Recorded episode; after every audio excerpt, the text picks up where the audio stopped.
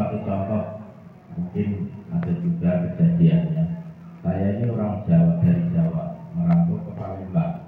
Nah di Palembang orang sebulan ini seandainya saya ini lajang, lajang atau belum punya istri, kemudian saya menikah dengan seseorang.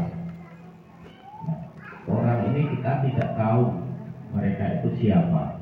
Nah, suatu ketika setelah kita bertahun-tahun anak katakanlah nah, setelah ketemu saudara dicerita ke sana kemari tahunya itu masih saudara kita yang seharusnya tidak boleh kita nikahi.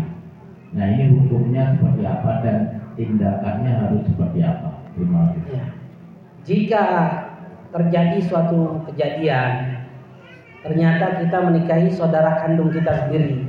Saudara seibu saudara sebapa maka pada saat itu otomatis hukum pernikahannya batal. Hukum pernikahannya bah, batal. Dia harus pisah artinya. Tidak dihukumi pernikahan. Kalaupun juga dia punya anak tetap anaknya nisbahnya kepada uh, si bapak tadi itu. Eh binnya si bapak tersebut. Nah, namanya waktu waktu subhat dikatakan. Nah subhat setorik nanti ada pembahasan Artinya dia menyangka itu saudara orang lain, ternyata itu saudara. Itu hukumnya nggak diharamkan, tapi tetap wajib pisah karena hukum pernikahannya nggak sah batal. Itu saja. Ada gitu ya? Tidak ada?